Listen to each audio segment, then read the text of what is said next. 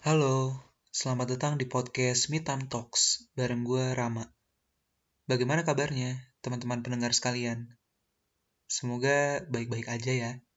Untuk teman-teman yang mungkin sedang di fase tidak baik-baik saja, paling enggak untuk sementara bisa dipaksakan sedikit untuk terlihat baik-baik aja. Emang sih, sesuatu yang dipaksakan itu jatuhnya jadi beban tersendiri. Jadi nggak enak, nggak enjoy, tapi selayaknya kehidupan, pasti ada pahit dan manisnya kan? Percaya deh, akan datang hari baik nantinya. Cielah, gue puitis banget ya. Mungkin hari ini kalian memang sedang mengalami bad days gitu, hari yang buruk. Tapi semoga selanjutnya kalian dapat good days. Bukan kopi loh ya, tapi hari baik. Doa gue buat teman-teman yang lagi dengerin ini, semoga harinya untuk besok dan seterusnya bisa lebih baik lagi. Sebetulnya hari ini gue juga kurang baik. Hari di mana gue nge-record podcast ini gue lagi sedikit kurang sehat. Tapi gue mencoba untuk uh, tetap membuat diri gue baik-baik saja agar bisa memberikan vibe-vibe positif juga ke kalian para pendengar. Anyway, pernah nggak sih kalian ada di kondisi kayak gini? Misalnya, kalian lagi punya pekerjaan, tapi ada teman kamu atau keluarga kamu yang ngajak hangout atau ngajak pergi ke mana pun itu. Dan akhirnya kalian terpaksa menyetujui untuk ikut atas dasar gak enak. Yang pada akhirnya kerjaan kalian malah gak kehandle. Atau kalian dipaksa datang atau diundang eh, datang ke suatu acara sama orang-orang terdekat kalian juga yang padahal kalian tahu kalian di sana nggak akan nyaman, suasananya bukan gaya kalian banget, dan kalian tahu kalau di sana itu cuma buang-buang waktu dan lain sebagainya. Tapi tetap kalian datang ke acara itu dengan dasar gak enak. Yang akhirnya bikin badan kalian capek dan untuk keesokan harinya jadi susah produktif. Atau hal-hal lainnya yang sejenis.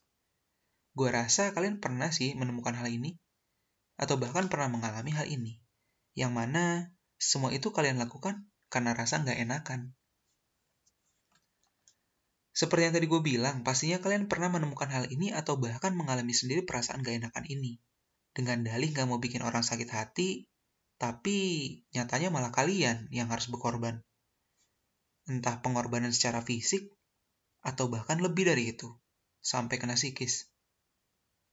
Gue paham kok, perasaan kayak gini sebenarnya bukan kalian yang mau, tapi secara tiba-tiba aja muncul. Entah itu karena kebiasaan, atau memang ya tadi, atas dasar kita pengen terlihat baik di mata orang lain. Pengen gak sih kalian ngerasain gitu? Gimana rasanya nolak sesuatu yang memang kita nggak mau? Atau pengen banget ngerasain dengan simple bilang enggak sama kondisi yang emang kita nggak suka? Pasti pernah kan kepikiran untuk ada di fase itu, tapi semakin banyak kita coba, tetap aja gitu. Kayak susah banget untuk melepas rasa yang udah terlampau lama dalam perasaan kita.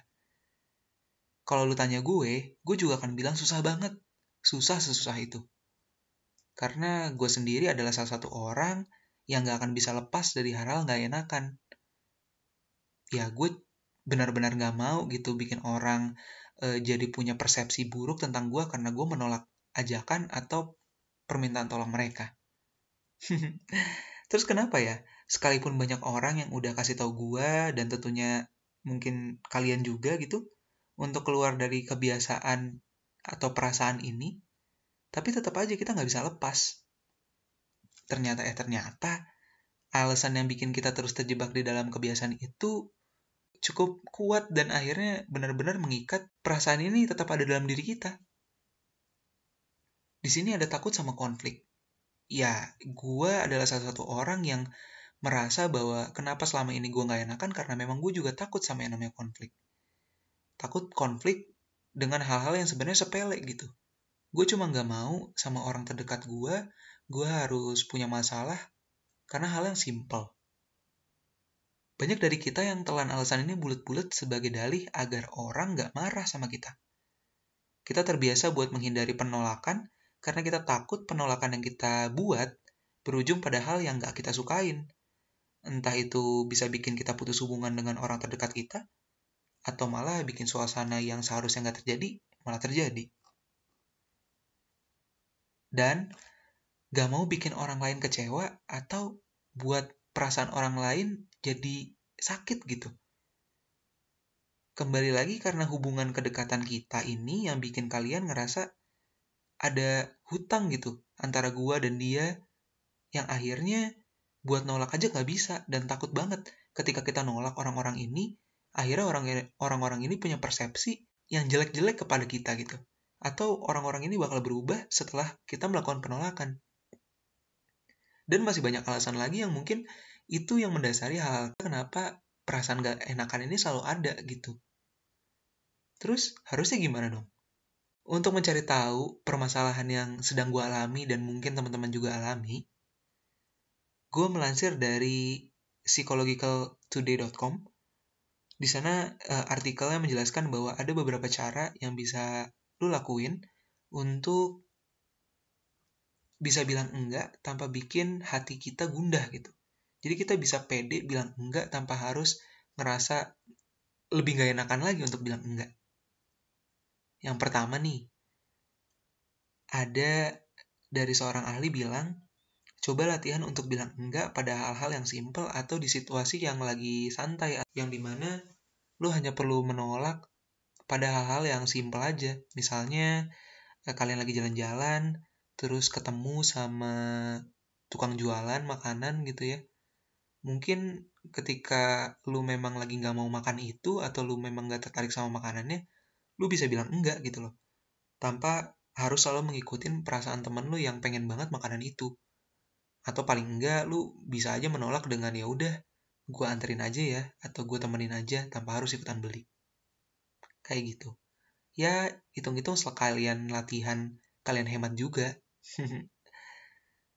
yang kedua ada ada juga dari seorang ahli e, namanya Susan Albers.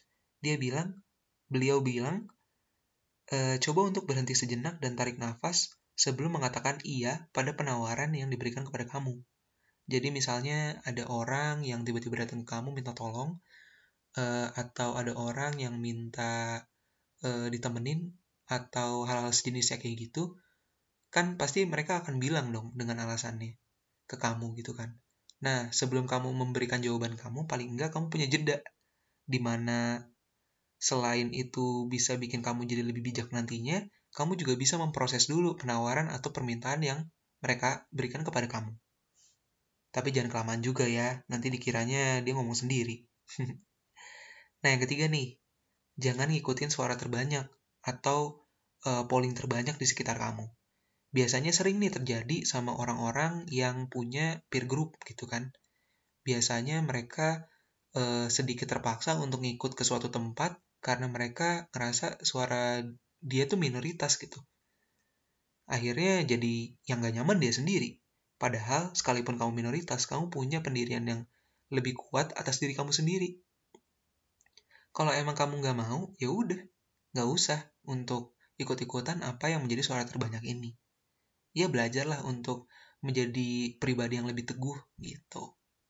Dan yang terakhir menurut gue, kamu bisa cari hal-hal yang ngebantu kamu gitu untuk lepas dari hal eh, dari rasa nggak enakan ini. Entah itu minta saran kepada orang yang ahli atau kamu bisa belajar sama orang-orang yang itu bisa punya pendirian yang kuat gitu loh. E, jadi kamu bisa lebih banyak belajar dari dia untuk mengenal lebih jauh gimana sih caranya menolak tanpa harus membuat hati jadi gundah gitu dan pasti dan masih banyak lagi yang bisa kalian baca sendiri dan cari sendiri. Gitu deh. Emang sih kalau kita lihat baik buruknya nggak semua penawaran yang diberikan sama orang itu buruk. Mungkin aja penawaran atau permintaan yang mereka eh, mereka minta itu punya sesuatu yang bermanfaat buat kamu juga gitu loh. Tapi yang paling penting di sini kan menyesuaikan dengan situasi dan kondisi yang ada pada diri kamu jangan memaksakan sesuatu yang emang kamu gak, gak bisa dan gak mampu. Karena ini kan bukan tentang mereka aja, tapi juga tentang kamu. Jadi gimana? Sejauh ini masih kepikiran buat jadi gak enakan gak? ya semoga bisa bantu sedikit ya untuk kamu agar bisa berpikir kembali gimana caranya kamu keluar dari rasa nggak enakan ini. Karena menjadi orang yang nggak enakan itu sama sekali nggak enak loh. well, terima kasih untuk kamu yang sudah mendengarkan sejauh ini. Semoga ada hal-hal baik yang bisa kamu ambil dari ya bicara yang cukup absurd ini gitu loh. Topik-topik yang sebenarnya kurang jelas tapi ya sudah lah ya, semoga ada hal baik yang bisa kamu ambil dari sini. So, last but not least, Mitam Talks signing off.